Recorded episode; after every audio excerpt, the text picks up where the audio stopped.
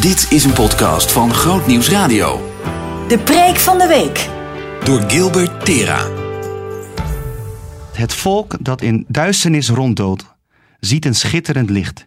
Zij die in het donker wonen, worden door een helder licht beschenen. We lazen net al Jesaja 9. Het thema voor deze dienst is Het licht gaat aan. En we gaan luisteren naar de verkondiging van Gilbert. Het licht gaat aan. Ik zat te denken van ja, waar, waar gaan we het over hebben? En ik, ik, moest zo denken aan die woorden uit Jesaja 9. Maar voordat we daarop gaan inzoomen, wil ik eerst even een schets met jullie eh, maken. Over de situatie in de tijd dat Jezus werd geboren. Want het was, het was een tijd van eh, politieke en religieuze onrust. Je had de Sadduceeën, de elite, die hadden de macht, die waren vriendjes met de Romeinen. eh, en die kozen ervoor om een goede verstandhouding te hebben met de Romeinen. En daartegenover had je de zeloten, verzetstrijders, niet bang om te vechten en de wapens op te pakken. Een soort van eh guerrilla-beweging zou je bijna kunnen zeggen. En dan had je nog een derde groep, de Fariseeën, een beweging die geloofde in een religieuze en ethische heropleving. Heel trouw aan de wet. En ze zagen zichzelf als, als het ware als moreel en geestelijke verdedigingsmuur van het volk, een soort moreel kompas. En geloof het of niet, maar qua kleur binnen het spectrum van wat er toen allemaal bestond binnen het Joodse geloof, stond Jezus het dichtst bij hun. En als laatste had je de Essenen. En die, die, ja, die waren misschien een beetje fatalistisch. Die dachten dat alles voorbij was, alles was klaar. Het tij was niet meer te keren. Het oordeel van God was geveld en moest alleen nog worden voltrokken. En daarom trokken zij zich terug in de woestijn en zij geloofden dat in het komende oordeel het land met de heidenen en het officiële jodendom verwoest zou worden en alleen zij zouden worden gered. Het was dus echt een, een tijd waar, waar er spanning was. Een tijd eh, waar er verschillen waren, waar, waar, waar echt over standpunten, eh, waar standpunten tegenover elkaar stonden. En wat dat betreft leven we nu gelukkig in een hele andere tijd. Of eigenlijk misschien toch niet. Want helaas lijken we nu ook te zitten in een tijd van politieke en zelfs religieuze onrust. Polarisatie op meerdere vlakken in de maatschappij, iets wat toen dus speelde en wat wij nu vandaag de dag ook nog steeds zien. Iets wat velen toen en nu enorm veel verdriet brengt. Het dialoog wordt zo vaak gestart, maar iedere keer lijkt het weer te eindigen met het gooien van standpunten, inzichten en soms zelfs verwijten.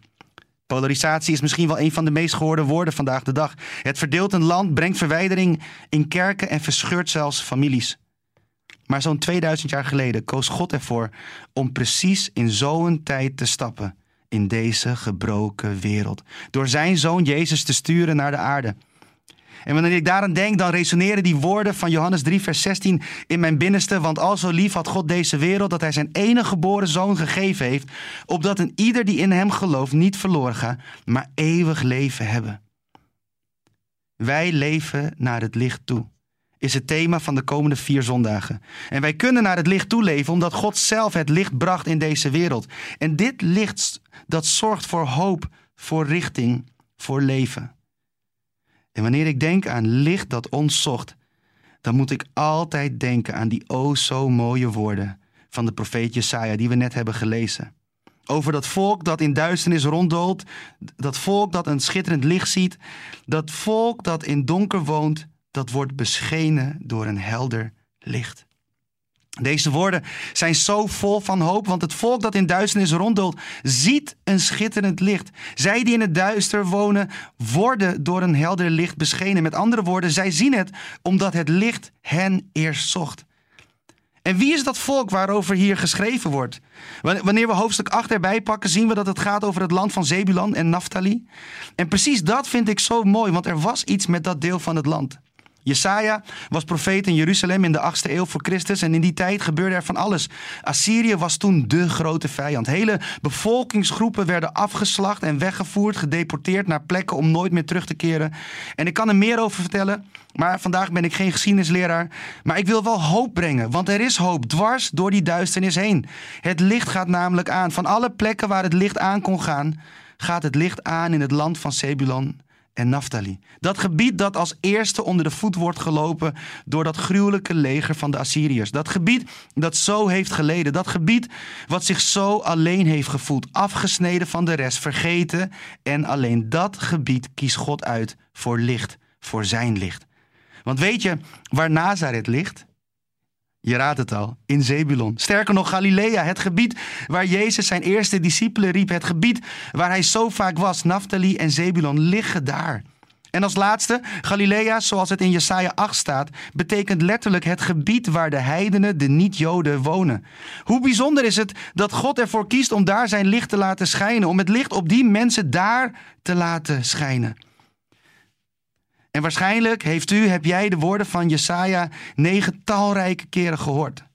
Maar wie weet mogen ze vandaag opnieuw hoop in jou, in u ontsteken. Het vuur van verwachting laten branden en licht laten schijnen. Want zoals Jezus 2000 jaar geleden kwam in een tijd van verdeling van standpunten en van meningen, zo mogen we Hem niet alleen vandaag verwachten, maar we mogen Hem ontvangen, want Hij is erbij. En ik wil samen met jullie de woorden van Jesaja lezen. En net lazen we vers 1, maar ik wil beginnen bij vers 2. En ik lees hem uit de nieuwe Bijbelvertaling, of eigenlijk de nieuwe nieuwe Bijbelvertaling, de MBV 21. En vanaf vers 2. En ik zou het leuk vinden als het lukt dat je hem erbij pakt. Ik wacht heel even, een paar seconden. Normaal in de kerk zeg ik, als je het niet kan vinden, roep help of steek je vinger op. Maar dat heeft nu weinig nut, weinig zin. Maar ik hoop dat deze paar seconden je de tijd geven om de tekst erbij te zoeken. Jesaja 9, vanaf vers 2. U hebt het volk weer groot gemaakt. Diepe vreugde gaf u het. Blijdschap als de vreugde bij de oog. Zij jubelen als bij het verdelen van de buit. Het juk dat op hen drukte, de stok op hun schouder, de staf van de drijver. U heeft ze verbrijzeld zoals Midjan destijds. Iedere laars die dreunend stampt en elke mantel die doordrenkt is van bloed. Ze worden verbrand, ze vallen ten prooi aan het vuur. Waarom? Een kind is ons geboren. Een zoon is ons gegeven. De heerschappij rust op zijn schouders. En deze namen zal hij dragen: Wonderbare raadsman, sterke God, eeuwige Vader, vredevorst. Groot is de heerschappij en zonder einde de vrede voor de troon van David en voor zijn koninkrijk. Ze zijn gegrondvest op recht en gerechtigheid en staan vast voor altijd en eeuwig. De Heer van de hemelse machten brengt dit in zijn vurige liefde tot stand. En lieve vrienden, het is mijn gebed en verlangen dat deze woorden in ons hart mogen resoneren wanneer wij toeleven naar dat licht. Dat licht dat ons eerst vond. Dat licht dat aanging in ons leven. Een kind is ons geboren. Een zoon is ons gegeven. De heerschappij rust op zijn schouders. Voor eens en voor altijd. En deze namen zal hij dragen wonderbare raadsman, sterke God, eeuwige Vader, vredevorst. Groot is de heerschappij en zonder einde de vrede voor de troon van David en voor zijn koninkrijk. Ze zijn gegrondvest op recht en gerechtigheid en staan vast voor altijd en voor eeuwig. Het is mijn gebed dat u deze weken hem meer en meer mag leren kennen als die wonderbare raadsman. Als die sterke God, die eeuwige Vader en die vredevorst. Dat Gods raad, dat zijn kracht en zijn vaderlijke omarming en zijn vrede, die alle verstand te boven gaat, u mag dragen, omringen en mag beschermen. Amen. Behoefte aan meer? Grootnieuwsradio.nl slash podcast.